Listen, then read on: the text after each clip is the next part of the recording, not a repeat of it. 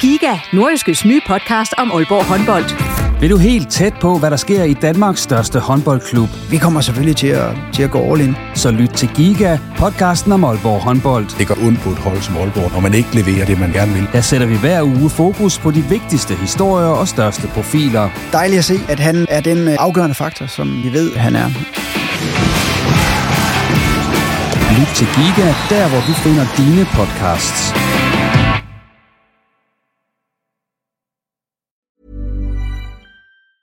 When you're ready to pop the question, the last thing you want to do is second guess the ring. At Bluenile.com, you can design a one of a kind ring with the ease and convenience of shopping online. Choose your diamond and setting. When you find the one, you'll get it delivered right to your door. Go to Bluenile.com and use promo code LISTEN to get $50 off your purchase of $500 or more. That's code LISTEN at Bluenile.com for $50 off your purchase. Bluenile.com code LISTEN. Hey there, it's Michelle Norris. I'm host of a podcast called Your Mama's Kitchen. When I travel, I'm usually looking for a way to find a taste of home when I'm not at home. And one of the things I love to do when I am at home is entertain. And Airbnb allows me to do that. When I was in California recently, I rented a house that had a great kitchen. And when we were sitting around the table, we're all thinking, we're in someone else's house. Someone could be in all of our homes as well.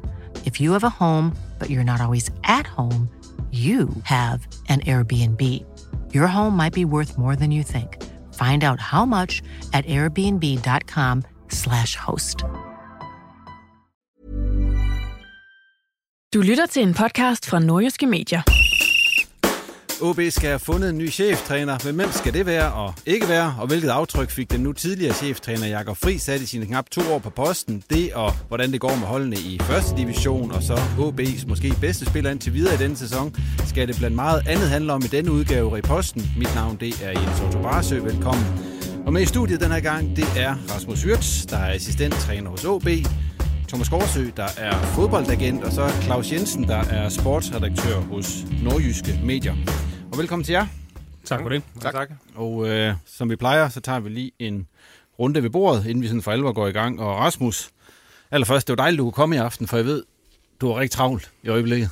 Og ja, det er ikke noget, jeg siger for sjov. Nej, nej, nej, nej der, fordi der er nok at se til. Der er nok at se til. Hvad, hvad er det altså, udover... Alene, alene i HB har vi jo rigeligt at se til. Ja, ja, og udover det, hvad er det så, du har fuld gang i øjeblikket? Øh, jamen, øh, jeg er jo lige gået i gang med at, at skrive mit øh, bachelorprojekt sammen med, sammen med min marker. Øh, oven i det, så, så kører jeg jo lidt praktik. Der er jo så kommet tilfældigvis ud i OB. Øh, og så lidt på siden af det, der, der kører jeg en, en øh, masteruddannelse i business coaching. Øh, men øh, den er, den er sat, sat lidt mere på sidelinjen lige nu, og med, at øh, der, er jo, der er jo kommet rigeligt at se til. Ja, fordi du har fået det der assistenttrænerjob. Det kom sådan lidt ind fra siden. Ja, ja, og det var jo ikke, øh, det var jo slet ikke planen. Altså, der skete jo lige pludselig noget der i sommer, som gjorde, at, øh, at afgår mig, vi, vi måtte træde til, og ja, efter lidt overvejelser og så videre, OB ville gerne øh, have, at jeg fortsatte den rolle, så, så endte det så der, og det gjorde det jo selvfølgelig, fordi jeg synes, det var fedt. Og det skal vi høre mere om senere. Ja. Vi går videre til Claus Jensen. Og Claus Jensen, jeg så jo her i avisen den anden dag, at der holdt du dig ikke til sådan den bagerste del af avisen, der du kom helt op på side 2. Lederskribent nu også. Ja. Ja. Det andet så om fodbold, selvfølgelig. Selvfølgelig godt det. Ja. ja.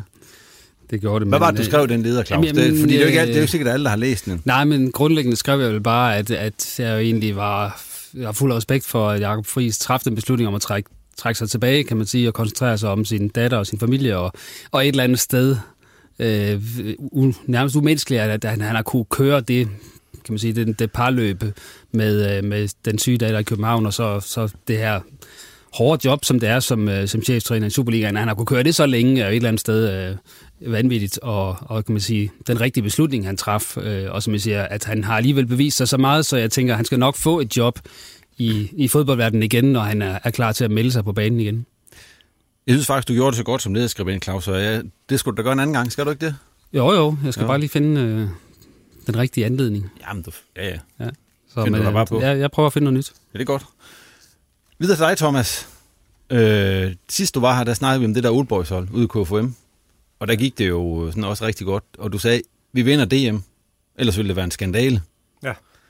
Hvordan er det, det går? Kan du ikke lige øh, gøre sådan få os up to date med hensyn til det? Jamen, det er jo ikke så lang en, øh, en snak. Altså, vi, vi skulle have vundet DM i, i lørdags, øh, men på grund af det her coronalort, så, øh, så er den udsat på ubestemt tid, men er der ikke i tvivl om, at øh, den havde vi da, den havde vi da nailet over, over KB i finalen. Ja, og i Jysk Fyns mester.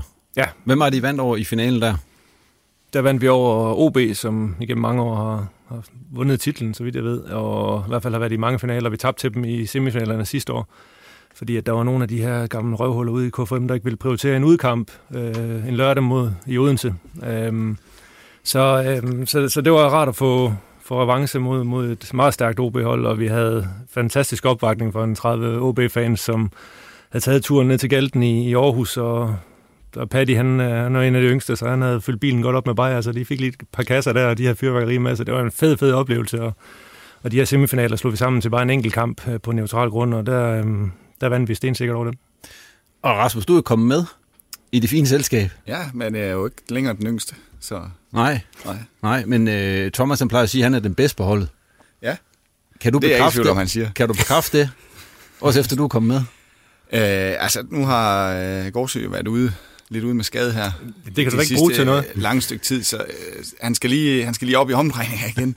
Det vil sige, men han, han øh, altså jeg vil sige, give ham, altså han kom igennem 90 minutter senest mod, øh, mod AC Odense. Det, det, det, det var jeg sgu imponeret over efter at have været ude et stykke tid. Han kommer ikke bare igennem jo.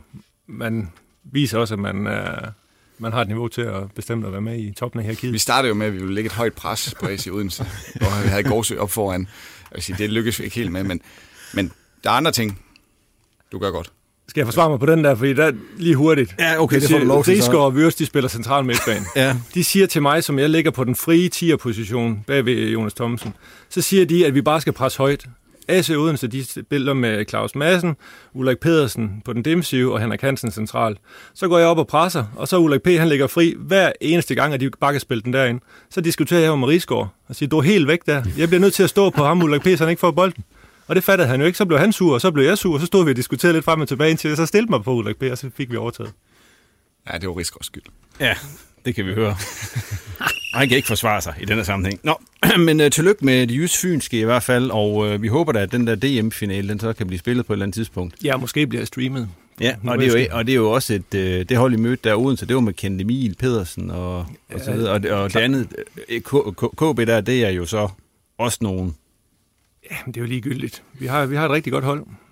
Det skal bare ned og ligge. Ja, fuldstændig. Ja, Vi er ligeglade med, hvem der stiller med. Okay, men det er Lars Jakobsen og sådan nogle, er det ikke det? jeg tror, det er Martin Albrechtsen og Per Krøllup og Vingård og Nordstrand. Og... Herregud. herregud. Ah, herregud. Ja, herregud. Ja. Nå, En eller anden Thomas Christensen. Ja, han er vist også med. hvem har han spillet for? Er det ham håndboldkommentatoren? Godt.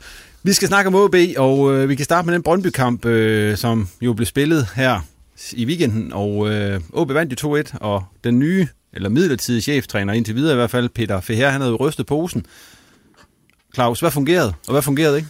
Altså fra starten af kampen vil jeg sige, så var der faktisk ikke ret meget, der fungerede, fordi øh, OB kom skidt ud til kampen. Øh, Talander og Granli fik lavet nogle fejl derinde, gav en friløber væk i starten, og, og OB smed mange bolde væk i opspillet, så, så der var faktisk ikke rigtig noget, der fungerede specielt godt i, fra starten af i, i første halvleg. Man kan sige, at OB skaber to øh, muligheder. Det ene det er en rigtig fin øh, bold i- fra, øh, det er fra, fra øh, Hillemark i dybden til, til Pallesen, der så også bryder ud af den her dynamiske trebakkæde og sender den ind foran, og så får Forsum scoret. Og det andet det er så faktisk efter en dødbold, hvor, hvor Børsting så står alene. Men derudover, så vil jeg sige, så var der øh, en større grad af usikkerhed øh, i, i, i forhold til at be- miste bolden i opspillet og komme under pres, inden man egentlig selv lykkedes med ret meget. Så det var egentlig først i pausen, hvor, hvor, hvor Kusk og Van Vært kommer ind, øh, og også hvor Lukas Andersen hæver sit niveau, og, og, og hvad hedder det, Pedro Ferreira bliver endnu bedre, end han var i første halvleg. Det er ligesom der, det begynder at køre for OB. For første halvleg, det var, det var mildt sagt ikke særlig godt. Thomas, inden Rasmus han lige får lov til at fortælle, hvad ideen var med alt det her, de lavede om på. Øh, hvad, hvad synes du om OB? Øh, jeg synes egentlig, det var, det var en dejligt at se øh, en træner, som, som ikke kun ligger vægt på, at man har en trekæde, øh, tremands bagkæde, der, der skal forsvare. Altså han får Granli ind og Pallesen øh, på højre side, fordi han gerne vil have, øh, som jeg ser det, gerne vil have spillere i forsvaret, der kan føre boldene frem. Og jeg synes faktisk, en, en ting, som fungerede rigtig fint, var, var OB's højre side. Det er også der, der bliver skabt to mål fra med, med Pallesen, som egentlig kommer ret meget ud af den her tremandskæde, fordi han ved, at der så er to tilbage. Øhm, og Børsting, der starter utrolig højt på, på banen. Jeg synes, der, det, det var egentlig fint. Øhm, så det synes jeg fungerede, fungerede godt. Øhm, jeg synes, Hiljemark kom, kom ikke rigtig til sin ret, øh, synes jeg, i den kamp her. Fordi når OB havde bolden, så lå han så lidt ud i, i venstre side, og var egentlig ikke dominerende i forhold til at, at dirigere spillet. Det var Ferreira, der gjorde det øh, udelukkende, og det gjorde han også rigtig, rigtig godt. Men der, der skal man lige finde ud af, hvad, hvad er bedst, om, om man har en, en, en forsvarsspiller, som skal have den position, som Hiljemark han har, men hvis han så kommer højere op i banen, vil han jo så lukke rummene. Øh, så, så det er de der små ting. Man kan rigtig godt lige at se det der udtryk med, at hvis man forventer, at man ikke bare skal stå og forsvare, øh, hvis man gerne vil være øh, toneangivende på bolden og offensivt indstillet, at man så har nogle forsvarsspillere, som også tør og kan øh, bringe bolden fremad. Rasmus, hvad var, fordi der blev jo lavet en del om i forhold til kampen øh, mod Vejle. Så var der mm. lavet en del om mm. til den kamp mod Brøndby. Altså, hvad var, hvad var tanken bag alt det, der var blevet lavet? Ja, men øh, vi, vi kiggede selvfølgelig på Vejle-kampen og synes, at vi i perioder i hvert fald havde en lille smule problemer med at sætte spillet ned bagfra. Og øh, ja, der, øh, der, der havde vi jo lynhurtigt øh, Granli i overvejelserne, fordi han er rigtig, rigtig dygtig på bolden. Øh, slår nogle fantastiske pasninger op i banen og, og har, et, har et godt blik for spillet, tør at føre den frem og tør også at, at vi drible op mellem, øh, mellem angriberne og så sætte noget spil derfra. Øh, og så har vi kigget lidt på Brøndby selvfølgelig, og, og set, at i rigtig mange af kampene, så har de det ret svært mod, øh, mod, mod en, en, en firekæde og, og, og presse dem. Øh, og derfor så skævvredede vi den en lille smule, så, så Pallesen kom, kom til at ligge lidt på sin lidt gamle position som, som højre bak, og så holdt vi Alman lidt tilbage. Men det er rigtigt, som Gårdsjø siger, Hillimark kunne godt gå ned og deltage i det opspil, og så kunne vi skubbe Alman lidt frem, men det blev stadigvæk sådan en, et, et firepunkts opspil. Øh, og så er det rigtigt, så havde vi, så havde vi med i tankerne med den der lidt mere dynamiske øh, højre side, øh, hvor vi gerne vil have Børsting til at ligge helt op på sidste linje. Øh, ideen med det var også, at, at det kunne give et, måske et frirum, fordi Børsting kunne binde deres forsvarsspillere, så kunne det give et frirum til, til Lukas i den side øh, og arbejde i. Øh, men, øh, men det er rigtigt, som Claus også er inde på, at første halvleg var rigtig svært for os. Øh, og jeg synes, at øh, vi, vi var lidt for stresset på bolden. Øh, der, der, der er for mange gange, hvor, hvor den springer fra os, og, og Brøndby de lykkes med deres, øh, med, med deres pres. Øh, ja. Lavede noget om i pausen? Eller kørte de bare videre, og så fik man bare bedre styr på det? Eller, eller hvad, var, hvad, var, hvad var der gjorde forskellen, som I ser det? Øh, jeg, jeg, jeg synes, vi fik bedre, bedre styr på vores spil. Øh, og det noget af det, vi forsømte i, øh, i første halvleg også, det var, at i og med, at de lykkedes så godt med deres pres, så kom de også til at stå meget højt på banen. Det gjorde også, at der var et kæmpe bagrum, og det, det får vi slet ikke udnyttet i, øh, i, i første halvleg, som, øh, som, som jeg ser det. Øhm, øhm, anden halvleg synes jeg, vi, øh, vi, vi, ja, vi får bedre styr på vores pasninger. Vi får, øh, vi får lagt et bedre tryk på dem, og vi får flyttet spillet højere op. Øh, og det, det var også en del af forklaringen i første leg. Meget af vores spil, det foregik på egen banehalvdel. Øh, og så er det bare for det første meget nemmere at presse for modstanderne, og for det andet, så, så er der meget større risiko i vores eget spil, og det gør måske, at man tøver en lille smule. Øh, anden halvleg får vi flyttet, flyttet spillet meget højere op, og, og det, øh, det, det er pyntet på det. Hvad, hvad, hvad var tanken omkring øh, Pritja? Altså, nu har vi set ham i en del øh, opstartskampe også, mm. hvor han kommer ind og spiller på kanten. Nu ligger han som nier, ja. og jeg synes jo, han blev pakket fuldstændig ind og var meget anonym i, i kampen. Jamen, Pritja havde jo først og fremmest en rolle med, at han skulle søge, søge dybden. Øh, sørge, sørge for at strække den lidt. Øh, men vi har selvfølgelig også kigget på det efterfølgende. Jeg kan også godt se, at øh, en Marksen falder meget tidligt, så der var næsten ikke noget rum at løbe i for ham.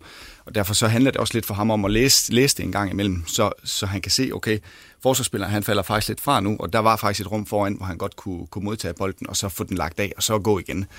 Øh, og det er, jo, det er jo sådan nogle ting, Tim har ikke spillet så meget, øh, så det skal vi selvfølgelig arbejde endnu mere på, men, øh, men øh, han, er, han er rigtig, rigtig dygtig og, og meget talentfuld, og kun 19 år. Øh, så øh, han, øh, han skal nok komme og er jo i den grad med i, i, i det mål, vi scorer. Den skulle han nok selv have scoret på, øh, for sådan en assist på den i stedet for. Ja, men, der, er ingen, jamen, der er ingen tvivl om, at han, han er utrolig spændende, og vi har set en masse gode ting fra ham, men, men om, han er, om han er klar til at starte lige nu, det synes jeg ikke, jeg blev overbevist om. Jeg er med på, at på sigt kan han blive en fantastisk uh, spiller for, for OB, mm. uh, men som du siger, han er måske lidt for pligtopfyldende. Hvis det er sådan, at han har fået at vide, at han skal løbe dybt, og han bare prøver på at gøre det. Altså, det er jo en af de ting, man, man skal lære men jeg synes, han havde det utrolig svært i kampen, men, men jeg kan godt lide også, at, at, at træneren han siger, at vi skal spille med en mere rendyrket nier, fordi øh, også sikkert noget, vi kommer ind på i forhold til antal scoringer. Vi bliver nødt til at lægge større tryk på, på den boks der. Og der kan man sige, at Van Vært kommer så ind i anden halvleg på positionen, også på, kan man sige, som nieren, og hvor han har spillet meget på kanten tidligere. Øh, og der må man bare sige, at han kommer til chancer. Altså, han har tre store chancer i den kamp. Man kan sige, at han brænder to af dem på det skammeligste, men han scorer altså også på den tredje. Og man kan sige, at det var tre åbne chancer mere end Pritja kom til i første halvleg på den samme position. Så man kan sige, forhold til kampen på fredag mod Randers, jamen, så fik Van Vært anbefalet sig på det kraftigste, og det gjorde Kusk for den sags skyld også, fordi han kommer ind Godt nok øh, måske ikke tidligere, end hvad der ellers var planen, fordi Forsum var skadet, men, men, men Kus kommer ind og får altså også sat noget fart i, i offensiven, og, og får også spillet godt sammen med Lukas, som, som hæver sit niveau. Så, så der, der er mere, kan man sige, læring at drage ud af den anden halvleg, også sådan i forhold til, hvem der spiller, øh, som jeg tænker, man, øh, man kigger på i forhold til fredagens kamp. Nu har Thomas taget hul på det, men hvis man ser sådan på tabellen, så er kun Horsens og Lyngby scoret færre mål NB i de første øh, syv runder. Er det så bare, er det bare sort uheld, Rasmus, eller er det øh, stolpe ud, eller, eller er, det, er det et problem? Fordi jeg synes også, der er tit i perioderne i kampene, hvor man tænker, i, i, også mod Brøndby i starten af anden halvleg, der I har rigtig meget, der sådan leder op til, at man tænker, nu må der komme noget, nu, og, og så, ja, så sker der ikke noget alligevel. Altså, eller også bliver der brændt, og du ved. Altså, hvis man sådan skal, skal tage det lidt, lidt over en bred kamp, så, så synes jeg faktisk i rigtig mange af kampene, at vi, øh, vi i stor del af dem i hvert fald har, har domineret, og øh, jeg ved godt, man kan ikke bruge det til så meget, men, men øh, vi, vi kigger jo også på det, der hedder expected goals, og, og kan se, at mange af kampene burde vi have vundet, og i, i hvert fald i, i Lyngby, Horsens, jamen for så vidt også Sønderjysk, altså der bliver modstanders målmand altså kåret til, til, til banens bedste spiller, og det siger alligevel lidt om, at, øh, at vi trods alt kommer frem til chancerne. Og så er det fuldstændig rigtigt, så skal de jo selvfølgelig sparkes ind, ellers så kan man ikke øh, bruge det til så meget. Det var selvfølgelig også en af tankerne bag, at vi, øh, vi gerne vil have, have team ind, øh, alternativt også Tom, som, som vi ser som, som fuld, fuldblods angriber. Men det er vel også det, der skal til, at der kommer nogle fuldblods angriber ind, fordi de første mange kampe har man jo ikke spillet med fuldblods angriber, så at sige. Nej, man kan sige, at øh, så har man så sat sig lidt på, også som man lidt gjorde i sidste sæson, altså at, at der stadigvæk ligger så mange øh, offensive spillere, at, at der nok skal komme sådan mål øh, fra, fra bredt ud over en hel sådan, palette af spillere, men jeg tænker også, at hvis man skal være tophold i Superligaen, så skal man også have en, en angriber, der, der laver de her øh, 10-15 mål øh, i en sæson, og det ved vi bare, at hvis, jeg tror, hvis Tom van Wert, han spiller 90 minutter i alle kampe, øh, hvis hans, hans fitness er til det, jamen, så tror jeg, så kommer han til at lave det antal mål. Øh, jeg er ikke øh, altid lige imponeret over, hvor, hvor træfsikker han er, men han kommer til så mange chancer, at han også får puttet nogen ind. det må man bare lade ham. Så, så lige nu synes jeg, at han er den største goalgetter, der er i den trup. Er du enig i det, Thomas? Ja, jeg er meget enig. Og som siger, nu har vi prøvet en, en længere periode, og spille med en falsk nier, øh, i håbet om, at der så ville, når han faldt ned i banen, at der skulle komme nogle aggressive løb på, på, på fløjene, som ikke rigtig er lykkedes. Øh, det er vel egentlig kun en børsting, som virkelig investerer i det, og løber lidt hovedløst en gang imellem, og, og det kan være fint, øh, når han har spillet der.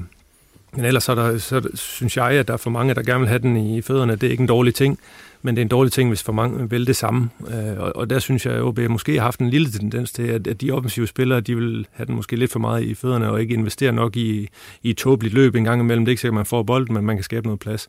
Og, øh, og det tror jeg, at man vil komme en lille smule til livs, hvis man har en lidt mere stationær nier. Øhm, fordi at, at der kan man altid prøve i blinde at slå en bold ind i feltet, fordi man ved, der er en derinde. Det kunne man ikke gøre, gøre tidligere, fordi at, at man var ikke sikker på, at, at feltet var fyldt op. Så, så det, det kunne godt være, at det, det er noget, man skulle, skulle prøve, men altså, nu er jeg jo ikke træner. Men Kusk er jo også blevet brugt på den der falske nier, og der må jeg bare sige, at øh, jeg synes, at, at hvor han så er brugt på kanten, så synes jeg bare, at han bliver mere farlig og, og kommer til at lave flere assists. Øh, som han også gjorde senest. Øh, så det er også prøvet, og jeg, jeg må sige, at jeg hælder mere til Van Vert i midten og Kusk på kanten. Men det er klart, at øh, skal der også være plads til Lukas Andersen, jamen, hvor skal, hvor skal Børsting så være henne? Øh, og vi ved jo, at Børsting han er en vigtig element i presspillet, så, så det tænker jeg, det klør man så sikkert lidt i, i trænergruppen i, øh, i, i nakken over, hvad, hvordan skal vi lige mixe det der? Ja, fordi det er jo, altså det er jo hele paletten, øh, vi skal kunne, og nu har vi jo arbejdet rigtig meget på at blive et af de mest intensive hold i, i Superligaen. Jeg synes også, øh, langt hen ad vejen, så, så, så er vi kommet et rigtig godt stykke, hvad det angår, og det viser øh, de kampe jo også. Altså, der, der er jo nogle chancer, vi ikke har scoret på, det er vi med på, og, og så, er det jo, så er det jo hele tiden den balance at finde det mix mellem øh, spillere, der kan, der kan noget på egen hånd, der kan score mål, men, men samtidig også, også arbejde hårdt, så vi får det udtryk, som, som vi gerne vil have i kampen. Nu Claus, du er inde på Kasper Kusk. Øh, jeg kunne se, at der var en statistik eller ind på superliga.dk, kan man jo se, at han, det er ham, der indtil videre i den her sæson har, har skabt flest åbne målchancer. Seks stykker. Er det, er det per spillet en minut? Eller per, per minut? Altså, Nej, simpelthen i alt. Sim, I alt. Øh, og så i øvrigt yderligere 10 sådan almindelige chancer derudover. Ja. Og så samlet set er han jo faktisk en af de mest Det er jo faktisk dobbelt så mange som nummer to, altså med de åbne der. Ja. Og han har jo ikke spillet alle kampene, skal vi huske. Hvor Vejle kommer han ind, tror jeg, eller der mangler 10 minutter. Øhm, så, så det viser jo et eller andet sted lidt, at øh, jamen, han bør spille ud fra de her tal. Øh, men jeg er også godt klar over, at han er jo ikke nogen super god presspiller, så, så så han har også en stor værdi nogle gange, når han kommer ind i anden halvleg af kampene. Modstanderen vil være lidt, uh, lidt træt, og han så kommer ind med sin, sin fart og sine udfordringer. Uh, men jeg mener nu også godt, at han kan, han kan spille fra start uh, og stadigvæk vise de uh, kvaliteter. Ja, for nu siger du selv det der med, at det, det kan også måske hænge sammen med, at man ikke, at man kommer ind til sidst og er frisk, mens de andre måske er lidt trætte, og så er det måske lidt lettere. Jeg ved det ikke.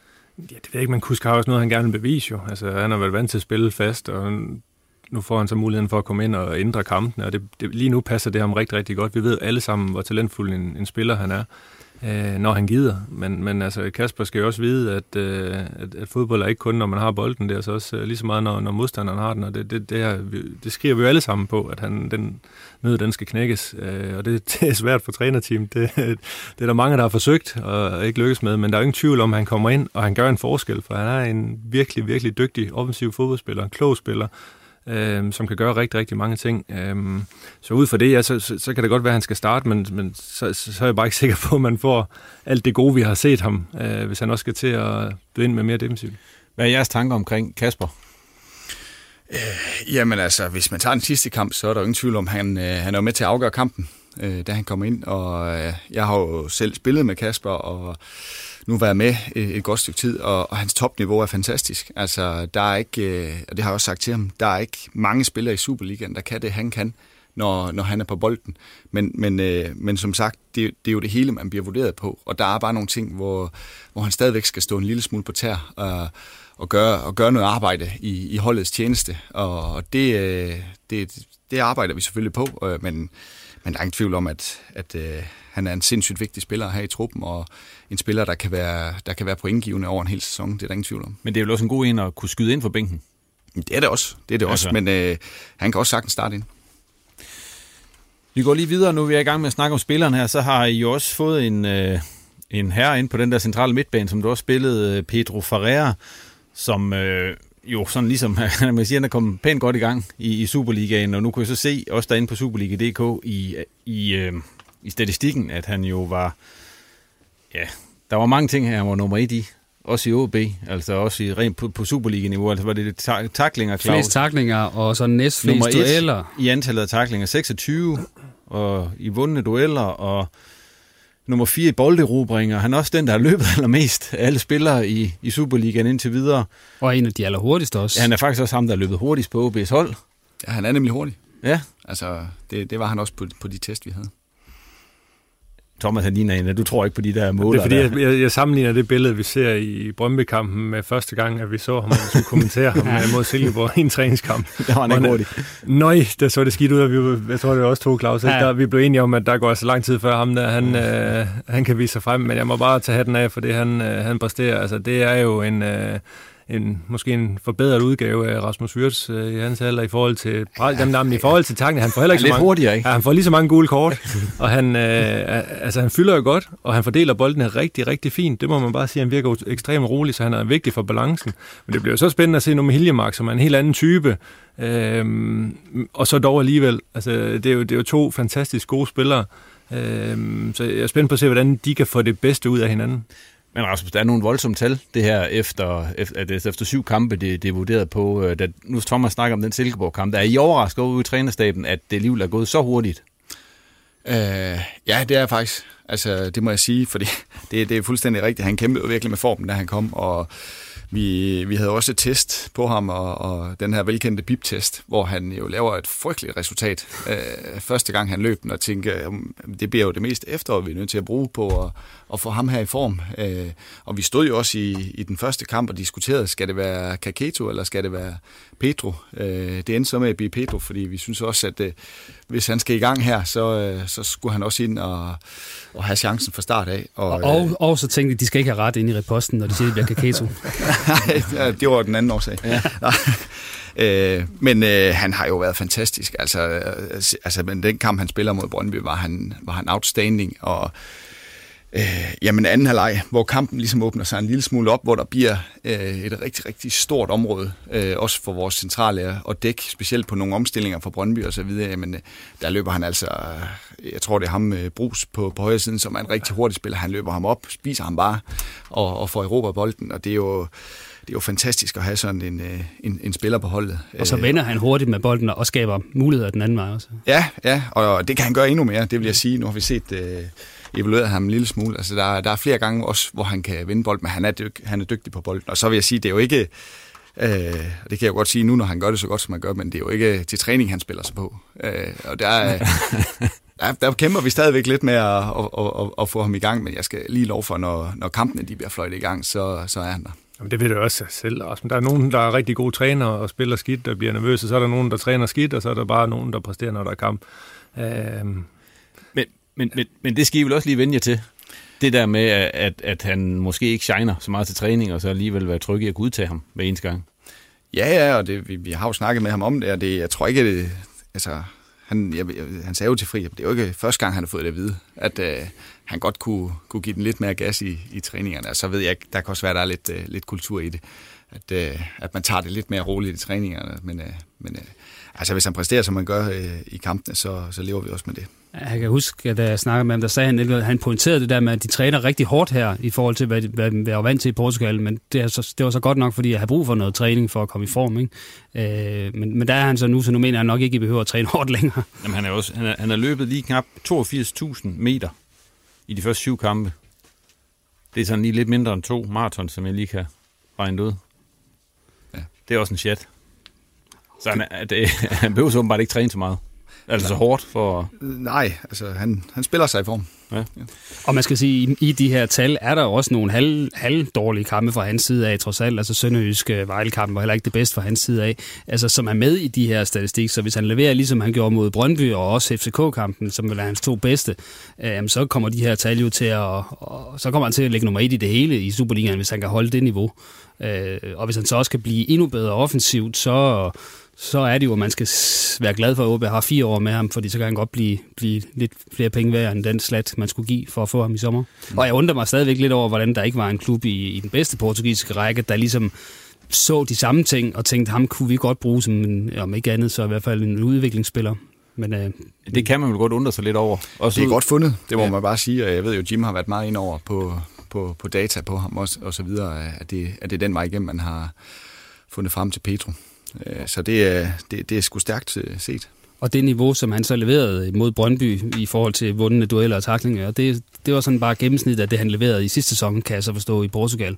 Øh, så, så, ja, så, det, så det var egentlig ikke en usædvanlig god præstation. Det er bare sådan, han er, når han spiller bedst. Så det, det er jo betryggende ved. Det er jo ikke så, så dårligt endda så.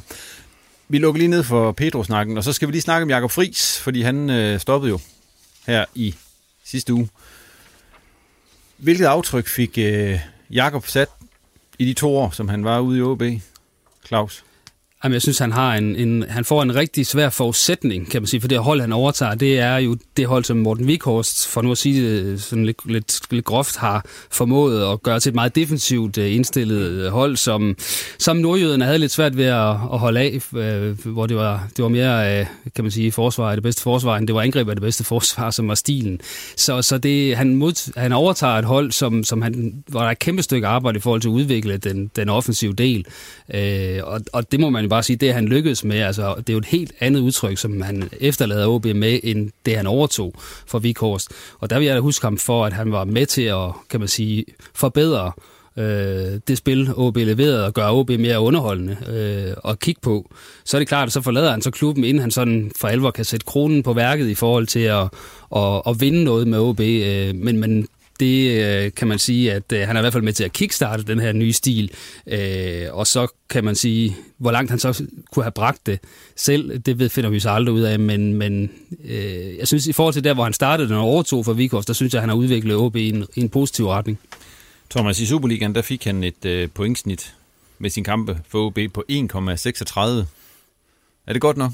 Ej, som OB-træner? Nej, det er langt fra godt nok. Og man kan sige, at jeg er enig med, med Claus, men jeg synes også godt, at man kan tillade sig at sige, også når man ser på pointgennemsnittet, at han ikke har fået nok ud af det materiale, der har været, fordi at, øh, det kan godt være, da han tog over efter Vikhorst, at der var lidt, men så skete der de næste par transfervinduer rigtig, rigtig mange ting. Og jeg synes, Gorte, han lavede et, godt stykke arbejde, og han fik sammensat, og det har jeg sagt tidligere, også på det tidspunkt, var det for mig nok en af de mest talentfulde trupper, der har været i, i OB. Og, øhm, og der synes jeg ikke, at han har fået nok ud af det resultatmæssigt. Det kan godt være, at, at, at udtrykket er, er ændret, og, og folk er blevet lidt mere positive omkring OB igen øh, i forhold til under Vihorst, men jeg synes ikke på resultaterne, at, øh, at øh, det er noget, man kommer til at, til at huske helt meget. Claus, hvad, nu snakker du om det, han havde gjort godt, Jakob. Hvad, hvad, hvad er du sådan også, hvis du prøver at kigge i den anden grøft? Altså, hvad, hvad var ikke helt jo, jo, men altså, for ja. få sejre, det er, jo, ja. det er jo simpelt som det er. Der har været kampe, hvor, hvor det lidt har, øh, har virket som om, altså der har været for mange øh, udfald, kan man sige. Øh, for eksempel pokalfinalen, for nu at, at bringe den unævnlige kamp op. Øh, øh, på den måde har der været, været kampe, hvor, øh, hvor det måske har lignet, at holdet ikke har været sat ordentligt op, og kan man så diskutere, at det er så nødvendigt. Men også kampe, hvor man ikke sådan tilstrækkelig grad har formået at, at vende et negativt billede fra første halvleg til anden halvleg. Øh, så på den måde kan man sagtens finde hullerne i osten, og, og der er ingen tvivl om, at, at han kunne også hurtigt være kommet under pres i OB, hvis ikke at den aktuelle trup ligesom leverede i løbet af det her efterår. Det er der jo heller ingen tvivl om, for, det, for nu skal der altså, øh, med den dyreste trup nogensinde, nu skal der altså nogle øh, point og nogle sejre øh, på tavlen, og dem har der jo også i den her sæson været for få af. Man kan så sige, at heldet er, at alle de andre hold også vundet meget lidt, eller, eller skiftet til at tabe, så, så OB kan jo i teorien vil ligge nummer et efter den kommende øh, runde, hvis, øh, hvis det hele går op i en højere enhed. Så det du siger, det var, at han var også under pres i det her efterår på at Uanset hvem man der er træner lige nu, det er Peter Forherre og Wirtz også, altså, fordi det her hold er godt nok til at skal ligge med og, og slås op omkring øh, top 4. Øh, og hvis ikke de gør det, jamen, så hvem peger pilen så på? Det er træneren. Hvis vi nu siger, at OB havde vundet den pokalfinal, mod øh, Sønderjyske. Ja, så vil alle jo huske Fris for det. Altså, sådan er det jo bare. Så vil han jo have købt sig kredit til nærmest, i hvert fald blandt fansene, til for evig tid. Ikke? Ja, og så havde, øh, det, havde, man så, havde det så været andet aftryk, han var taget afsted med, kan man sige. Hvor meget, det, hvor meget havde det betydet? Ja, det har betydet alt. Ja. Altså, øh, men det er klart, at øh, han er øh, en sympatisk mand, og, og fansen øh, kan godt lide ham, uanset det ikke altid har været enige i hans dispositioner.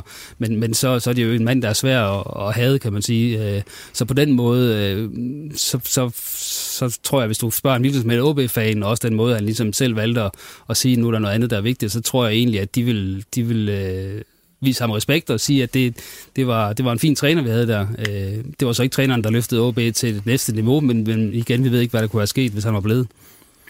Hvem er i spil til posten som øh, ny cheftræner?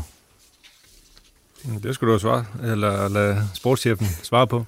Men, ja, men, altså, men, men han vil jo ikke nævne nogle konkrete nej, nej, sige. Altså, jeg, jeg synes, at jeg har nogle, nogle okay gode kandidater, jeg synes, har fundet lidt frem. Ja, lad mig bare høre. Jeg tænker, at han har været i spil, øh, Kjetil Knudsen i Bodo Glimt, som har gjort det rigtig fint, den måde, de spiller fodbold på, med masser af mål og offensiv fodbold. Øh, jeg kender ikke ham godt nok, øh, ud over resultaterne. Øhm, og så synes jeg faktisk, øhm, jeg har fået et rigtig godt indtryk af Peter Ferrer. Øh, han har været med til at starte noget nyt op i OB sammen med Søren Krog, øh, der forplanter sig hele vejen ned igennem øh, ungdomssystemet, øh, der skal trænes på en anden måde, der skal tænkes på en anden måde, der skal spille fodbold på en, på en anden måde. Øhm, så jeg tror, det vil være det vil være lidt farligt og risky, hvis man går ud og finder en træner, som har nogle helt andre idéer og syns på, hvordan man skal talentudvikle, og hvordan man skal mandskabspleje. Han virker meget kompetent, Peter Ferrer. Han virker som en lunefuld fyr, øh, som ikke øh, er alt for højtidlig. Øh, og det tror jeg egentlig også, der er brug for en, en, en gang imellem. Altså Friis er jo måske lidt introvert øh, som træner, øh, fantastisk dygtig, og jeg har den dybeste respekt for ham, det er slet ikke det.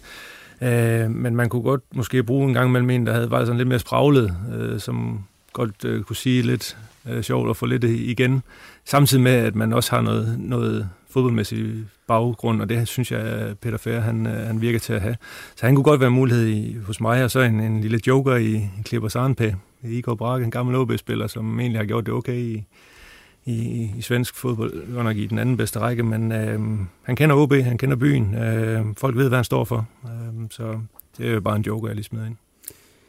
Kjetil Knudsen, han står også på min, øh, og det er jo ikke, fordi jeg har set så mange kampe med Bodø Glimt, men jeg kan bare konstatere, at de, øh, de vinder jo det norske mesterskab. Det er der ikke sådan nogen rigtig tvivl om, og de har stort set scoret dobbelt så mange mål som det næst mest scorende hold. Øh, 3,31 i snit har de scoret. Øh, så det lyder i hvert fald som en her, der gerne vil spille, øh, spille offensiv fodbold. Det er ikke i hvert fald drillostilen, de bliver norske mester på.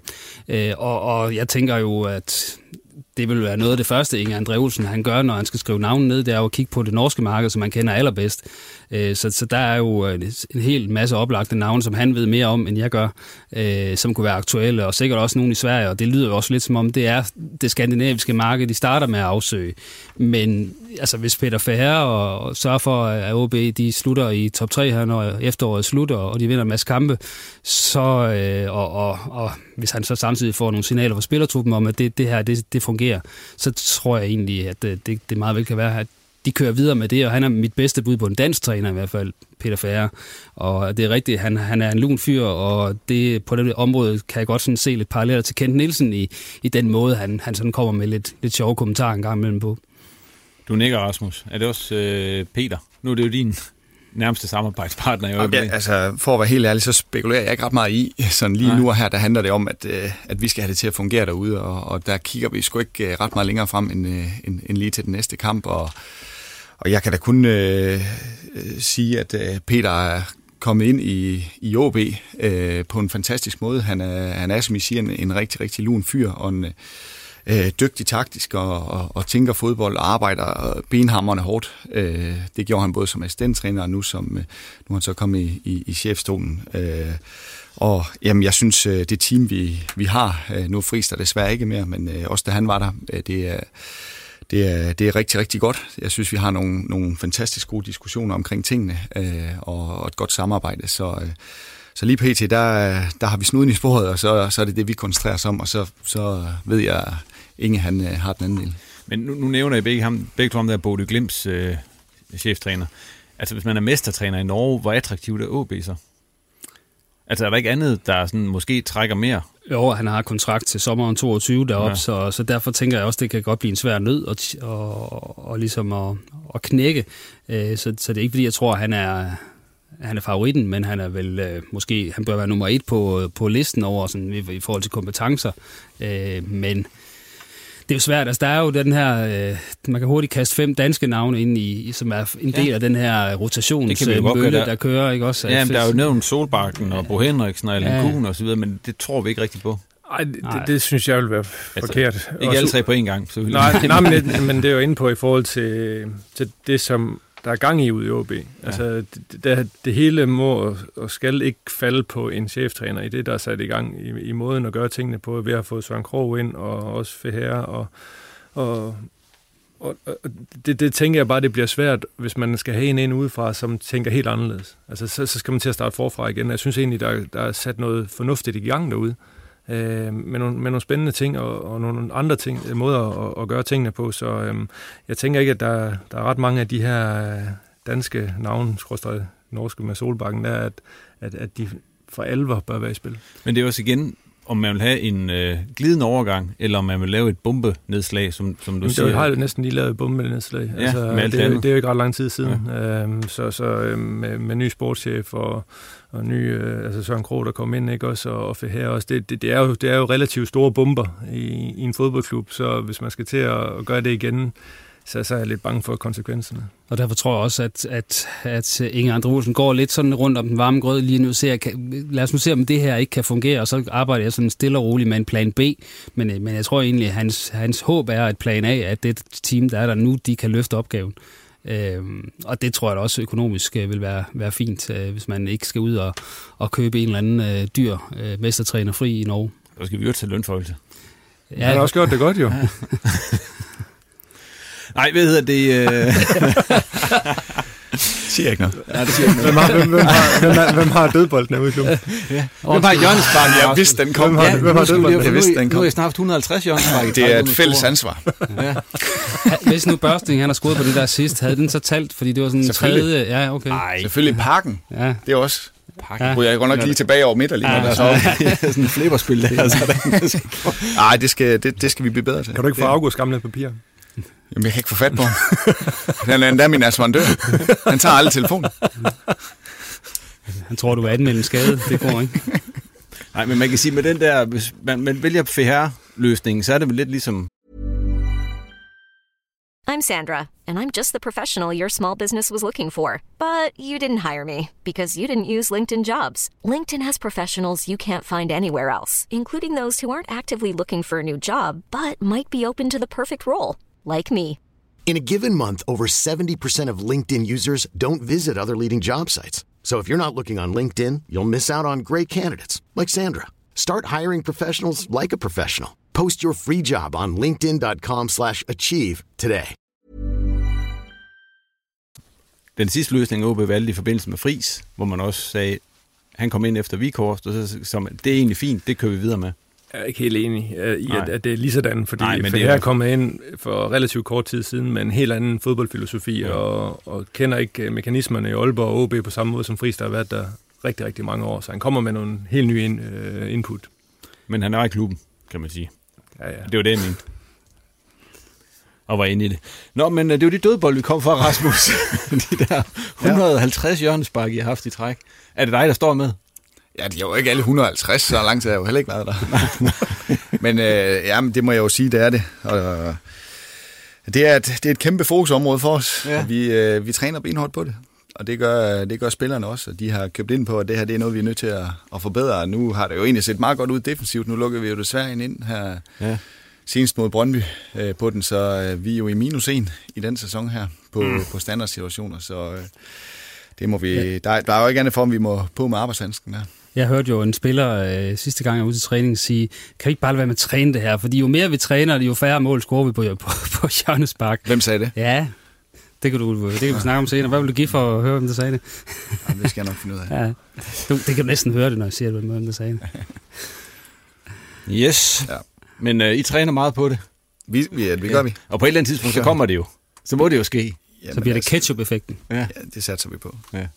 Du kan godt høre, han, Ja, bare kom, Nå, kan godt høre, at han ikke er forberedt, så det står ikke i manus, at vi skulle snakke om det der. Nej, men det kunne han næsten regne ud. Jamen, jeg, jo, jeg vidste godt, den ville komme. Den der.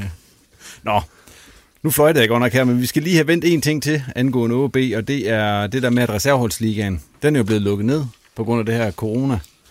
Og øh, det betyder så, at jeres ret store trup ude i OB, de ikke får lov til, at, altså dem, der ikke lige spiller i weekenden, de, der er ikke flere kamp for dem inden, øh, inden vinterpausen.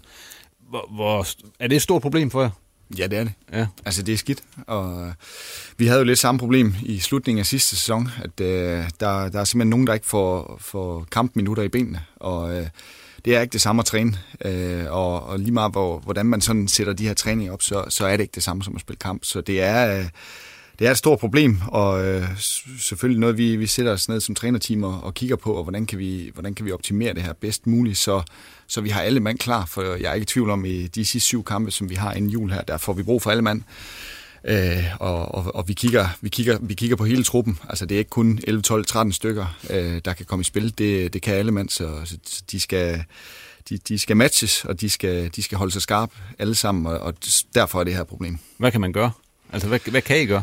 Jamen, vi kan jo spille nogle interne øh, træningskampe en gang imellem. Øh, det er ikke sikkert, at vi kan spille to gange 45 minutter, fordi der er selvfølgelig også nogen, der er loaded i forhold til, at de, de spiller i, i weekenden. Øh, det må være det, og om man overhovedet må arrangere mod U19-hold og så videre, og få, få dem med op, så vi, så vi kan spille noget der, det, det er jeg lidt tvivl om stadigvæk. Øh, Det må, men, men det bliver jo noget i den dur, og så må vi jo træne dem så godt, vi overhovedet kan.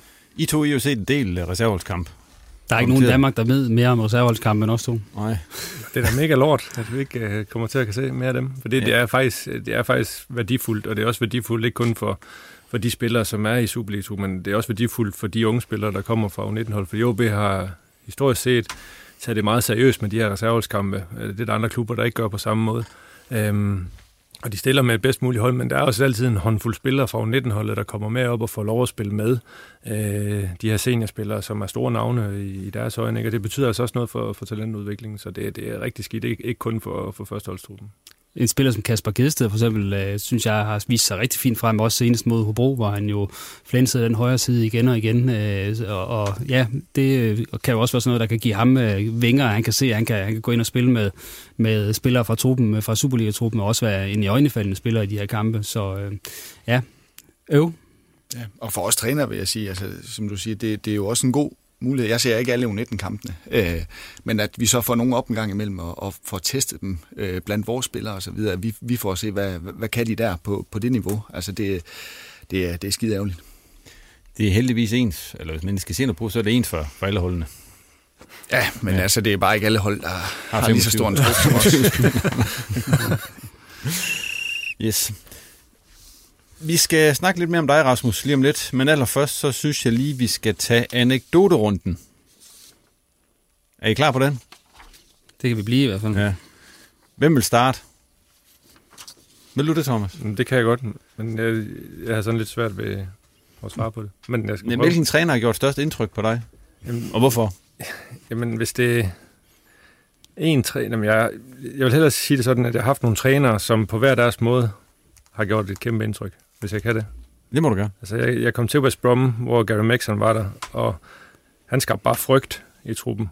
Så det lærte vi rigtig meget af. Øh, vi rykkede godt nok op fra, fra Championship til, til, øh, til Premier League, og da han så blev fyret, så fik vi Brian Robson, som skulle til at samle den her gruppe af bange unge mænd, som har fået rigtig mange øh, verbale tæsk af den tidligere manager. Hvordan skaber sådan en som Gary Mixon frygt? Men det, jamen, det var bare øh, overvågning, øh, kontrol, øh, alt hvad der blev sagt alle steder. Hvis der, du lå og fik massage, så du sagde et eller andet til, til hvad det hedder, til massøren, så gik det direkte til manageren, og hvis du snakkede med nogen, altså troede det var fortroligt, om det var madmoren, eller kokken, eller hvem det var, så, så fik han det at vide. Han skulle have alt at vide. Han var ekstrem over, og så råbte han og skreg han af os hele tiden. Øh, men, men det var egentlig den mand, der, der betød mest for min karriere, for det første år under ham, det, det var mit bedste år i, i min karriere. Øh, men, men det var, det var virkelig, det var hårdt mentalt, øh, og man skulle virkelig kunne kapere det der for at kunne præstere under ham. Men øh, det var, når man ser tilbage på det, øh, skide sjovt at tænke tilbage på, men man var i det der, var det godt nok voldsomt. Og så Brian Robson, som var en helt anden type, øh, total hyggeonkel, øh, som bare samlede gruppen, og vi skulle bare hygge os, og elsker at spille fodbold, og smile på læben, og gode gamle historier, og alt det, han kunne fortælle. Øh, altså en fantastisk person, øh, som jeg også har været i kontakt med senere hen, og det var virkelig, virkelig en, en rigtig, rigtig topfyr. Men sådan på det fodboldmæssige øh, detaljedel, Øh, der var det øh, Tony Mowbray, som er nuværende med øh, Blackburn manager. Han var ekstremt dygtig, også gammel forsvarsspiller, som lærte mig utrolig meget, og vigtigheden af, af små detaljer i spillet.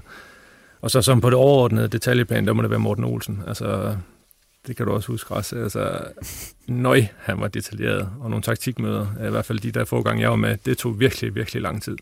Øh, så man havde jo glemt alt, hvad der blev sagt den første halve time, fordi når man sad der i to timer, ikke, så var det helt... Så, så, så det, det er egentlig trænere, der har gjort kæmpe indtryk på mig, men, men på, på hver deres måde. Claus Jensen. Ja, hvad var det nu, du spurgte mig Jamen, det er jo den mærkeligste episode, du har haft med en OB-træner.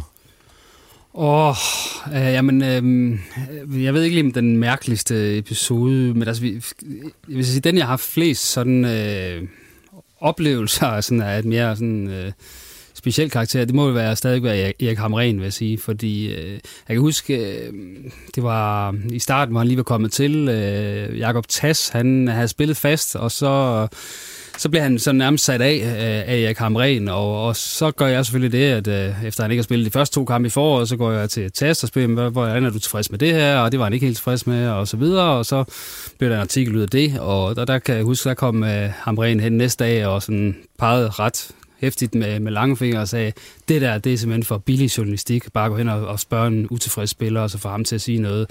Øh, og så kom der en masse svenske gloser, og så, så stod jeg der og sagde, øh, nå.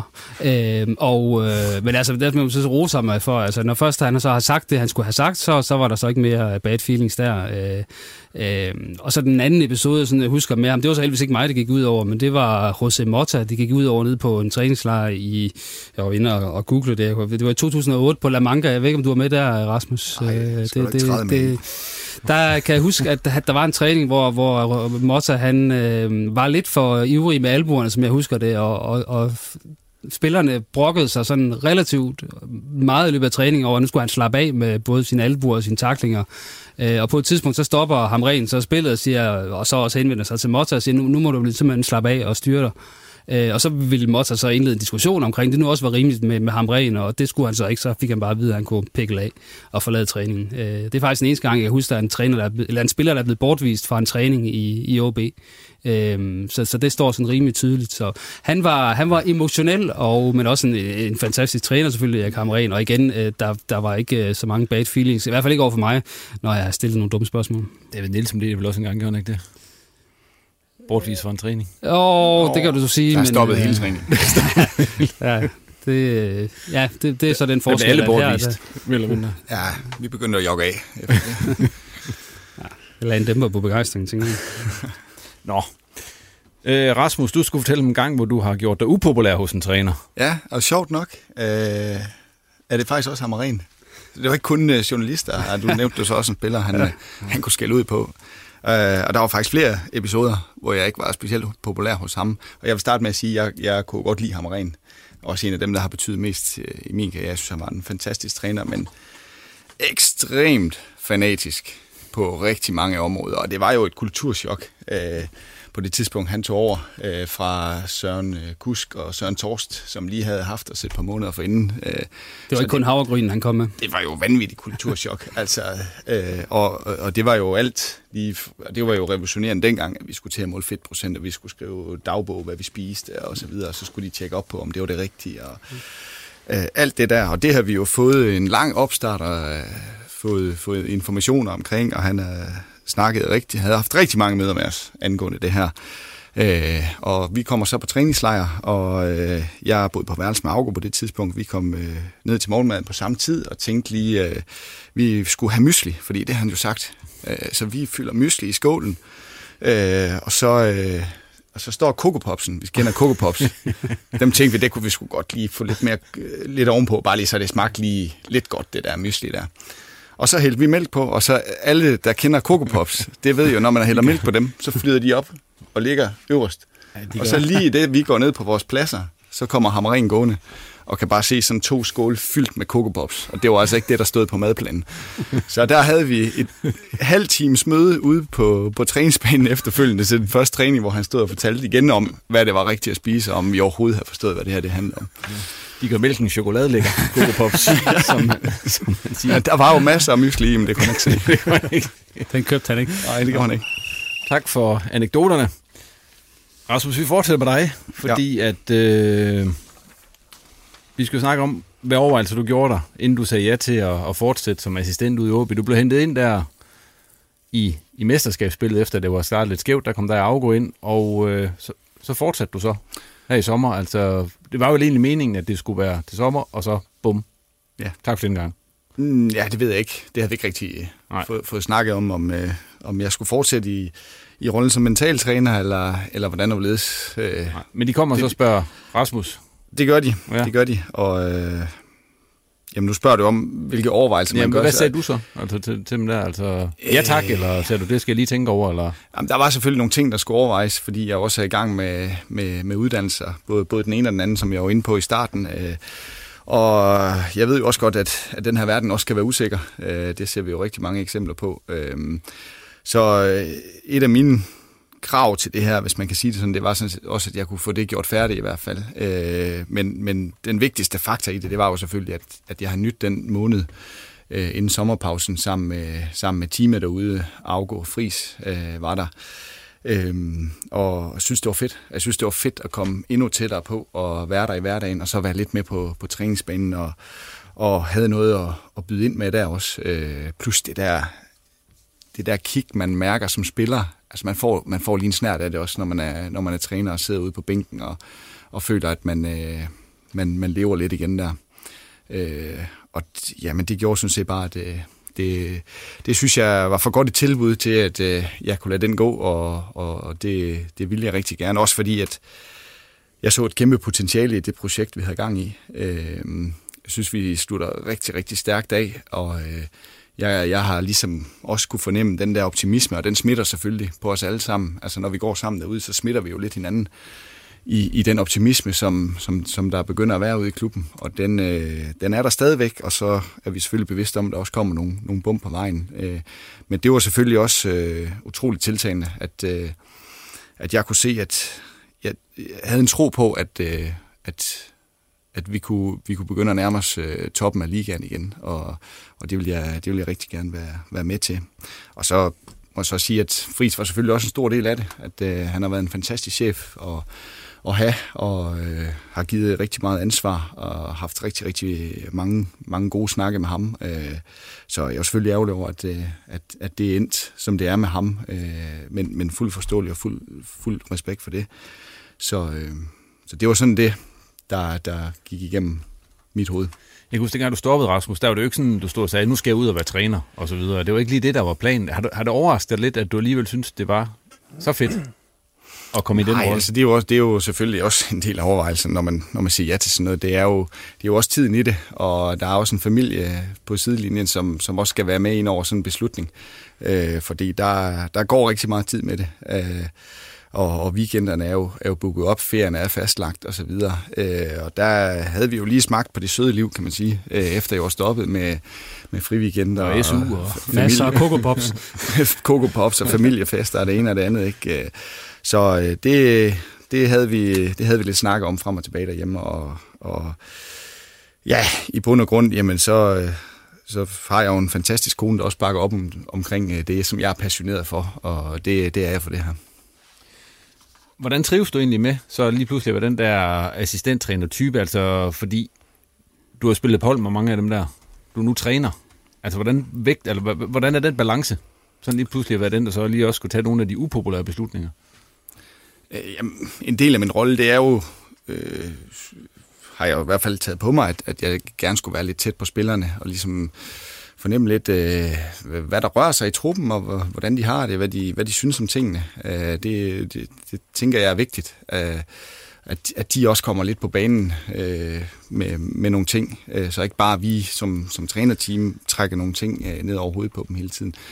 Øh, og så er der selvfølgelig en, en større distance, også i forhold til det job, som jeg havde som, som mentaltræner. Altså, det er jo ikke helt de samme snakke, man kan tage med spillerne, fordi nu sidder man i en position, hvor man også lidt er med til at vælge, hvem der skal spille, og, og hvem der ikke skal. Øh, og, og den der fortrolighed, det er jo ikke noget, vi sådan på den måde har i talesat, men, men, øh, men den er der nok ikke helt på samme måde, og man åbner sig nok ikke helt op som spiller på samme måde over for en assistenttræner, som man gør over for en mentaltræner, som kommer gang imellem og kun har fokus på den, på den enkelte spiller. Så, så der, der, der har været en lille, et lille skift der, en lille ændring i, i, i den rolle.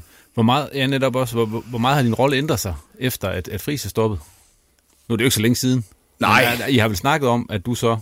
Ja, det var jo lidt turbulent. Altså, ja. vi, vi mødte jo ind uh, torsdag morgen, og uh, vidste ikke noget på det tidspunkt, og der får vi så uh, alle sammen den her meddelelse her. Uh, som sådan er der jo ikke noget revolutionerende øh, ændret. Altså, vi har måske lidt flere diskussioner som team omkring, hvad er det, vi gør nu, øh, og har brugt lidt ekstra tid sammen her. Ellers så øh, er det jo stadigvæk standardsituationerne. Og, og, øh, og i hele taget det der med at være tæt på spillerne og, og evaluere med den enkelte spiller, også så de får den der feedback hele tiden, så de, de ved, hvad vi tænker omkring tingene, og, og vi får også en fornemmelse af, hvad, hvad, hvad synes de ind sig selv om deres øh, præstationer og måden, vi gør tingene på. Sådan med hensyn til, til træner altså uddannelse og så videre. Skal du have det? Ja, den skal jo oveni her fra den 8. til den 15. december. Altså, jeg har jo ingenting. Øh, jeg skal i gang med den T-træner, som er intensivt i, i syv dage. Øh, og så, øh, ja, så det bliver første step på, på trænergærningen. Thomas, ja. han siger, at den er hård. Ja, den er voldsomt hård. Ja. Jeg var på den. Ja. Jeg tænkte, jeg kunne bare lige tage det igennem. Det var, jeg boede i Esbjerg, og så boede vi, eller det var i vejen der, så jeg sagde til Anna, at jeg kom hjem hver dag. Glem det fra 8, øh, 8 morgen til 10 aften. Ja, der bliver ikke skrevet meget bachelorprojekt. Nej, Nej. Eller trænet et hold, tænker jeg. Nej, nej det, altså der er jeg jo væk, og ja. det, øh, det, det ved de selvfølgelig godt, og det var også en del af, af den plan, der er blevet lagt, at, øh, at jeg har de der dage, hvor, hvor jeg ikke kan være der. Mm. Ja. Nu, øh, Rasmus, efter Friis er væk, og man kan sige, øh, Søren Krog er kommet ind, Peter Ferrer er kommet ind, øh, Inger André er kommet ind. Altså sådan, hvis man ser på ledergruppen, træner-ledergruppen i OB, så er du vel øh, den sidste last man standing er sådan nogle, øh, kan man sige, af de gamle OB'er. Hvor meget betyder det, at der er en, der stadigvæk øh, er det, kan man sige? Betyder det noget? Sådan, altså, en, en, det kan andre også byde ind på, altså der er en kultur bærer stadigvæk i, i den post, fordi man kan sige, hvis du går ja, 3-4 år tilbage, så var der jo nogle flere, kan man sige, også ned gennem rækkerne. Fordi U19-trænerne er vel også blevet hentet ind for Vejle, for eksempel. Mm. Og Altså, kulturen er jo ekstremt vigtig i OB, og det er noget, man har værnet om i rigtig, rigtig mange år. Øhm, og det er klart, at det har ekstrem betydning, at der er en person som Wirtz øh, derude nu, til at være ligesom ham, der, der har det der OB-DNA. Det er lidt træt af det ord der, men, men en, der har øh, OB ind under huden. Øhm, undskyld, fordi man, har, fordi man har værnet om den her kultur i så mange år. Og det er også derfor, nu har vi snakket lidt om, om det her med, med trænerne øh, en ny, der kommer ind, øh, om ikke det kunne give god mening, hvis det var en, der allerede var der, selvom han ikke har været der så længe. Ja, og man kan sige, skulle, skulle de ud og finde, øh, vi skal have den bedste assistenttræner, vi kan få, jamen så, altså, isoleret set på uddannelsespapirerne, så vil det jo ikke være Rasmus, de vil have valgt, for han har slet ikke nogen. Øh, så, så det er jo nogle andre kvaliteter, han kommer med, og det er jo oplagt, at, at ingen også har tænkt, vi skal have nogen, øh, der kender klubben, og, og som klubben kender, og, og den anden vej rundt. Ikke? Så det tror jeg, at i det her tilfælde skal Rasmus være glad for, at han har spillet mange år i OB. Og Rasmus, øh, med hensyn til trænergærne, nu er du så lidt inde på, det, nu tager du den der T-træner. Sådan en, en, en, en, en hurtig, hård omgang, kan man sige. Så. Ja, det kan jeg forstå. Ja, det kan jeg forstå. Jamen, det har jeg også hørt. Men at det der træner, er det noget, at, er det noget, du sådan vil på længere bane? Kan du mærke det, eller? Uh, jeg tænker, at det, det må tiden lidt vise, om, øh, om, om det bliver all in på det. Uh, lige nu nyder jeg, hvor jeg er, altså det vil jeg sige. Og jeg nyder også... Øh, rollen som assistent, og der er et, øh, der er et ordentligt step op øh, fra assistent og til at blive, øh, til at blive cheftræner. Så, øh, så, så den rolle, jeg har lige nu, den, øh, den passer mig glimrende, og så øh, udvikler man sig jo lidt hen ad vejen og, og, og får måske nogle nye idéer på et eller andet tidspunkt. Og det, så ja, det må tiden lidt vise. Held og lykke med det. Tak. Også den der uddannelse, der nu er Thomas jo lige gjort sådan, at du glæder dig rigtig meget til den uge der. Yes, øh, vi skal snakke om øh, vores to første divisionshold her i landsdelen, Hobro og Vendsyssel FF. Og øh, lad os starte med, med Vendsyssel FF. Altså jeg skrev til jer og lavet mig fortælle, at de rent faktisk har en rigtig god trup. Hvem har du fortalt dig det? Jamen det er læst i, i nordjyske. ja, jeg tror det var, det var det var Søren Olsen, der skrev det, men det var også øh, i sommerpausen, kan man sige, da ligesom truppen ikke var helt kendt og så videre. Ja. Der, så det, der så det lovende ud, men øh, det var også med lovning om, at de skulle have en masse nye spillere ind og så videre, og det har de jo ikke rigtig fået. Øh, så jeg vil sige... Nej, for ja, det, er vel, det er vel reelt bundhold. ja, det er det, og jeg vil sige, at den trup, de har nu, og det er både i forhold til, hvad er der af individualister, der kan afgøre kampe, ikke ret mange, og hvad er der af bredde i truppen, nærmest ingen, så mener jeg ikke, man kan forvente, at det der det skal være et top 6-hold. Og så kan man så sige, skal de så ligge nede i bunden? Det skal de måske så heller ikke. Øh, så, så, så selvom at, øh, jeg vil sige, at øh, man kan ikke sige, at det er Lasse Stensgaards skyld, at, at han ikke har fået tophold ud af det her. Det, det tror jeg, man skal være noget af en magiker for, for, for at få ud af det materiale. Men det er klart, at han har selvfølgelig heller ikke fået dem til at overpræstere. Så, så på et eller andet tidspunkt, selvom de har tålmodighed og alt det her, så begynder pilen også at pege på, på dem, fordi de skal i hvert fald ikke rykke ned. Og, og så ved vi jo godt, hvem er det, som man begynder at kigge på på et tidspunkt. Det er træneren. Men udover Skive, hvem er så dårligere end dem i første division? Skive kunne de jo heller ikke slå, så, Nej. så det, det bliver en hård kamp for at undgå øh, at ryge helt ned i det der døn, øh, det må jeg sige. Hvad er der mangler op, Thomas?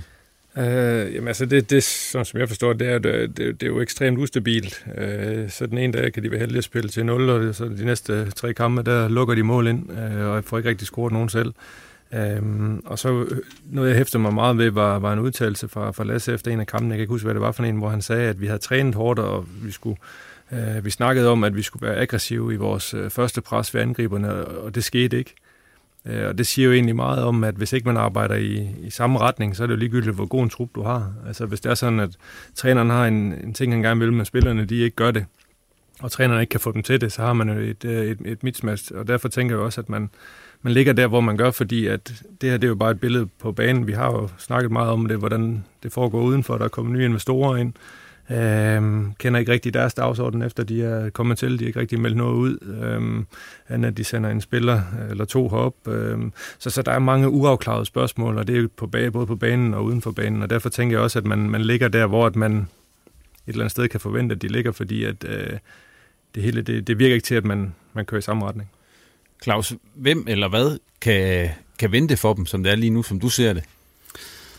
Ja, et eller andet sted er de jo nødt til nærmest bare at parkere bussen, tænker jeg, fordi det, det er jo ikke noget, de lukker 4-5 mål ind i alle kampene, så, så et eller andet sted, så skal de jo øh, begynde at spille nogle 0-0 kampe, tænker jeg, for at få noget stabilitet ind, øh, og, og kan de spille 0-0 her for resten af sæsonen, så redder de sig jo nok, kan man sige. Øh, det er jo selvfølgelig et alvorligt skridt tilbage, hvis, hvis Lasse han har en hel masse planer om, øh, om de skal spille høj pres og, og, og alle mulige ting, men, men det, der tænker jeg, at han er nok nødt til bare at, at rydde øh, taktikbordet og så sige, øh, nu, nu er vi helt tilbage til, til scratch her, øh, selvom det, øh, det, det er et tilbageskridt, må man sige. Hvis vi så lige skal, skal kigge på Hobro, så har de tabt øh, tre kampe i træk. Kan man sådan godt lidt frygte, at de er ved at blive sat af sådan i jagten på top 6. Nu skal de jo møde Helsingør torsdag aften, og øh, hvis Ja, taber de der, så er de jo sat af med fem point, tror jeg, mindst op til, til top 6. Men det er sådan lidt specielt, fordi øh, nu har jeg set øh, de sidste tre Hobro-kampe faktisk, og øh, faktisk sidste fire. Øh, det startede med, at de slog øh, HB Køge og spillede rigtig fint fodbold i den kamp. Øh, de spillede egentlig også okay mod Esbjerg og, og dominerede stort i starten af kampen. Øh, modtager, laver så en dum fejl og indkasserer et mål. Øh, så, så har de en ofte i Kolding, vil jeg sige, men hvor de også sagtens skulle have fået noget. Og så senest øh, mod Frem Amager, der spiller de Frem Amager fuldstændig ud af brættet, og Frem Amager er ikke over midten de første 25 minutter, og Bro skal føre en 2-3-0. Øh, og så, så scorer øh, Frem Amager på deres første to øh, øh, skud på mål, og, og så, så, så falder det fra hinanden. Så øh, jeg vil sige, der har, været, der har ligget mere i det øh, til Hobro i de her kampe end, end 0 point. Men øh, nu begynder det selvfølgelig også at blive lidt selvforstærkende, øh, og, og de laver lidt for mange, kan man sige, fejl ned bagved. Øh, og det har både været øh, Simon Jakobsen, og det har også været øh, Hugo Andersen, som er kommet ind, øh, lejet i, i Malmø, og har ikke rigtig sådan for alvor ramt niveau, hvor man kan sige, det er Tobias Salkvist, der har været den, den, den, den, stø, kan man sige, den store støtte og den faste klippe nede i, i det forsvar. Øh, og så har man jo i Barbajan til gengæld en, en offensiv farlig spiller. Øh, man mangler lidt en, en spydspids. Altså sidste gang var man ude i at bruge Alexander Bavn på toppen i, i første division, og, og det er jo mere nød, end det er lyst, tænker jeg. Øh, så, så der har man lidt et problem i forhold til at få en, der banker målene ind, når Babian ikke lige er der. Thomas Enevoldsen har været skadet og har ikke rigtig kommet i gang dernede. Øh, så, så der er sådan flere issues, men, men stadigvæk synes jeg, at det er et hold, der skal være i top 6, når man ser på, hvad, hvad de har at rute med. Men nu ser jeg for eksempel udtalelserne efter den kamp der mod Fremad Amager, hvor man siger, at det er nærmest surrealistisk, at, at man taber 4-0. Men man scorer jo heller ikke mål. Altså, det kunne man jo så også starte med at gøre, i stedet for et eller andet sted. Altså, så, så er man vel heller ikke øh, bedre. Nej, nej, men jeg kan sige, det er, man har så scoret i de andre kampe faktisk, nærmest dem alle sammen, kan man sige. Så, men det er klart, at den kamp, der er det, der er det jo bare, der bliver man straffet for, at man ikke scorer på de der 100% chancer, man har i starten af kampen. Men, men det bliver, det, altså Helsingør en torsdag aften, det er, ikke, øh, det er ikke det nemmeste i verden. Det er heller ikke det sjoveste sted at spille og alt det her. Så, så, øh, og, og, så, så jeg tror, det bliver svært for dem at, at, at ramme deres topniveau der, også fordi de stadig har spillere ude med skader. Øh, så det bliver en svær en, men, men, men de må i hvert fald ikke tabe den kamp. Øh, og, og jeg synes stadigvæk, spiller for spiller, så skal de i top 6. Men man kan ikke bruge det til noget, fordi den, den her første division i år, der er ikke så meget, der hedder proces, synes jeg. Altså det her, det handler om resultater fra kamp til kamp og hele tiden, fordi der er rigtig, rigtig mange dygtige hold. Så du, du skal virkelig være på, og hvis du går ud og taber 4-0, og du siger, jamen det er jo også forkert, eller det var ikke fortjent, så det kan man ikke bruge til noget. Altså du bliver nødt til at forholde dig til det enkelte resultat, og, så, og jeg har heller ikke hørt mange øh, Olaf Fuger ned i Esbjerg, der er kommet ind og sagt, at det er en proces, det her. Det har han ikke sagt. Altså han har sagt resultater fra dag i dag. Det samme i, i Silkeborg. Øh, og Viborg har jo gjort det fantastisk, bygget noget godt og spændende op. Spørgsmålet om det fortsætter, det må vi jo så se, om Næstrup han ryger til FCK. Det håber jeg ikke for Viborg. Øh, men, men, men der er bare ikke plads til at, at have nogle processer og synes, det er synd for nogen. Altså, man, den her første division, den er så kynisk. Det gælder både for Vendsyssel og, og Hobro også, øh, at, at det er bare det enkelte resultat, man skal måles på hver eneste gang. Og nu er de så fået, øh, de er blevet forstærket, Hobro, øh, Daniel Mankva, en spiller, der har været i FCK og, og Sønderjyske blandt andet. Altså, hvad kan han give dem? Ja, det er et rigtig godt spørgsmål, fordi hvis han er i topform, så kan han selvfølgelig give dem noget, øh, noget fart og noget kreativitet, men øh, han spillede den her kamp mod OB, og der kunne vi jo godt se, at øh, altså, han, altså det var ikke Ferreira, øh, eller Ferreira, Pedro Ferreira-niveau, altså sådan, man, man måske tæt på i forhold til den fysiske formåen i den kamp. Men altså, han scorede jo stadig to mål, øh, så... Øh, Men jeg kan godt tvivle på, at han når en form, inden de slutter her i december, hvor man kan sige, at han, han kommer til at blive sådan en afgørende spiller for Hobro.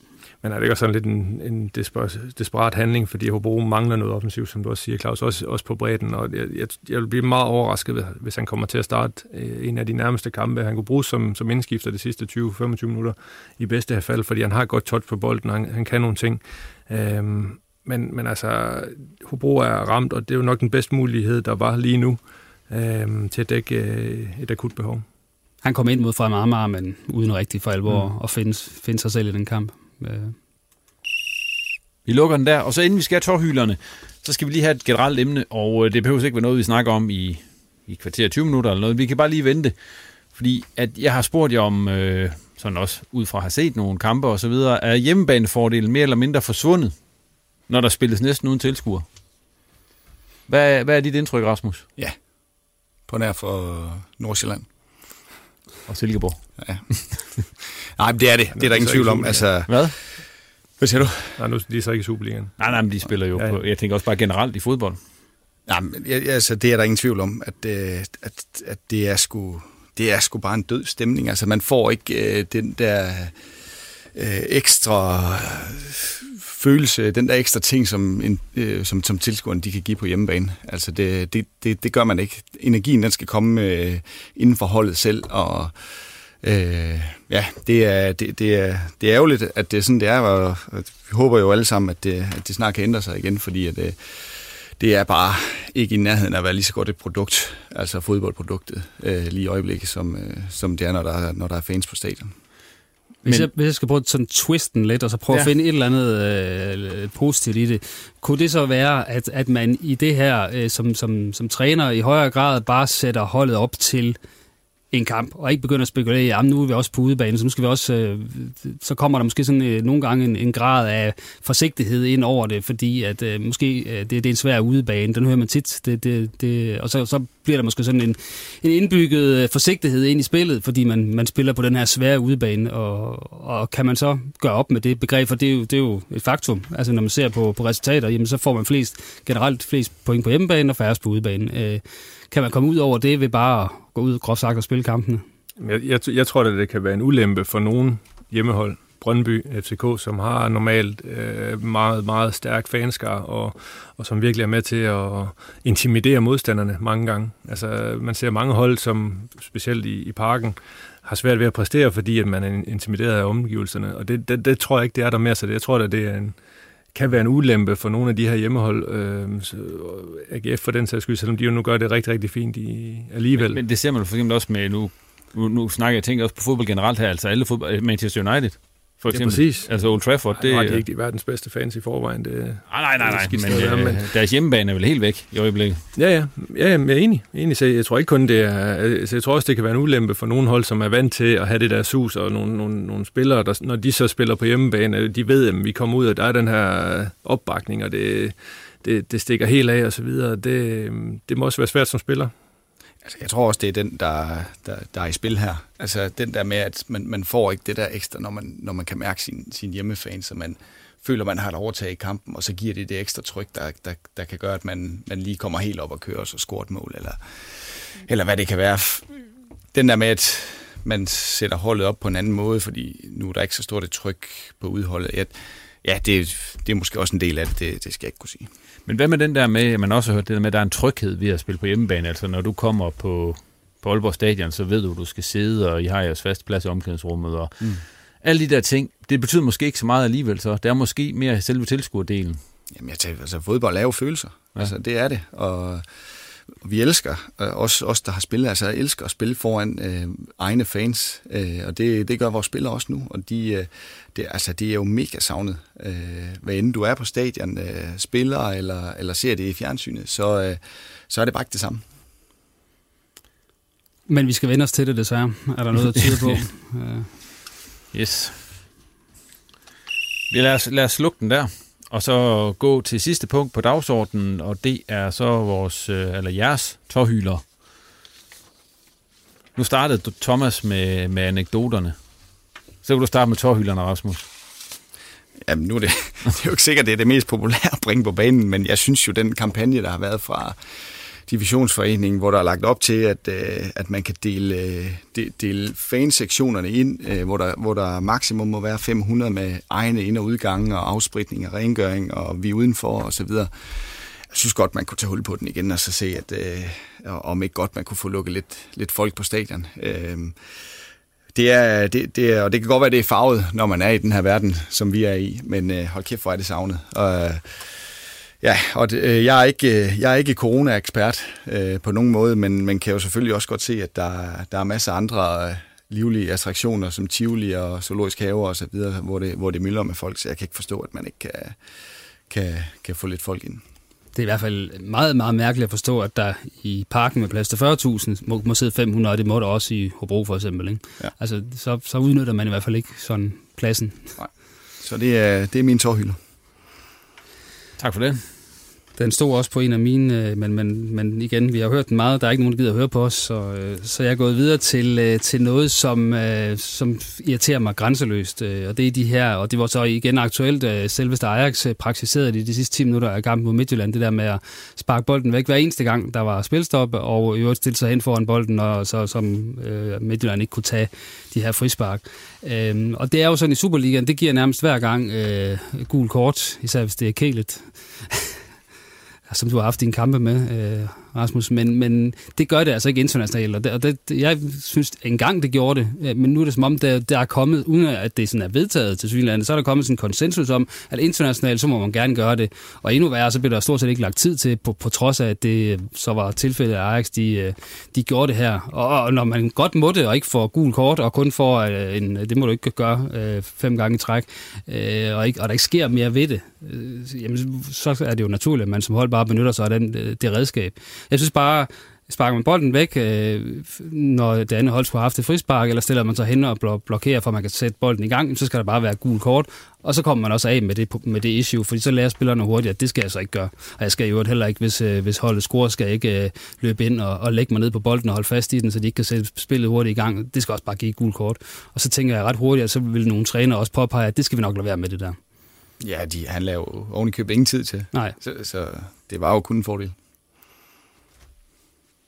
Thomas. Ja. Værsgo. tak.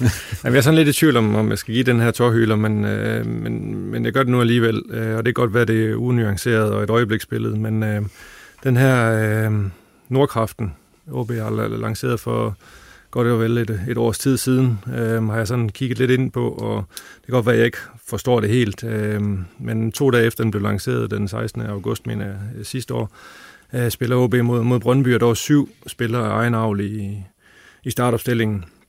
Øh, og så kan man så sige, i kampen mod Brøndby, et, godt det vel et, et år senere, der var tre, og man slutter med to egen avl på, på banen. Øhm, det kan godt være, at jeg tager lidt fejl, men øh, jeg mener ikke, at det er det, som er planen i forhold til, til Nordkraften, og det kan godt være, at som jeg siger, det er unuanceret, fordi der måske ikke lige er de spillere i øjeblikket, men øh, det, jeg ved ikke helt, hvor, hvor, hvor jeg skal, hvordan jeg skal tolke det her øh, Nordkraften nu, fordi at det, det som man ser på, på, på banen af de spillere, der, der, der spiller egenavl, så um, den får en lille, lille tårhylder. Så en tårhylder til Nordkraften, som den ser ud lige nu? Ja, ja, fordi at, ja, eller OB, fordi at, at, at, at jeg synes ikke rigtigt, det man har lanceret, at det er der, man er nu, øh, et år senere i forhold til. Øh, så, så det er måske mere et, et spørgsmålstegn, og, og så sagtens være, at jeg, at jeg læser det forkert. Og det blev så det sidste i den her omgang Reposten. Tak til gæsterne for, at de kom, og til dig for at lytte med. Og hvis du har tid og lyst, så må du meget gerne give os en anmeldelse i iTunes. Og kan du lide podcasten, så abonner i den podcast player, som du nu bruger. Ris og ros, det er vi altid modtagelige for på både Twitter og Facebook, og her må du også meget gerne følge Reposten. Og så er vi tilbage med mere snak om nordjysk fodbold om et par uger på Genhør.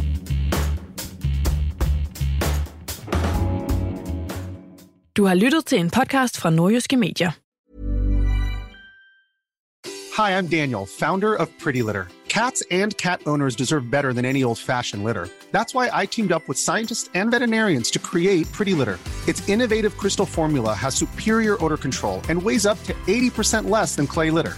Pretty Litter even monitors health by changing colors to help detect early signs of potential illness. It's the world's smartest kitty litter. Go to prettylitter.com and use code ACAST for 20% off your first order and a free cat toy. Terms and conditions apply. See site for details.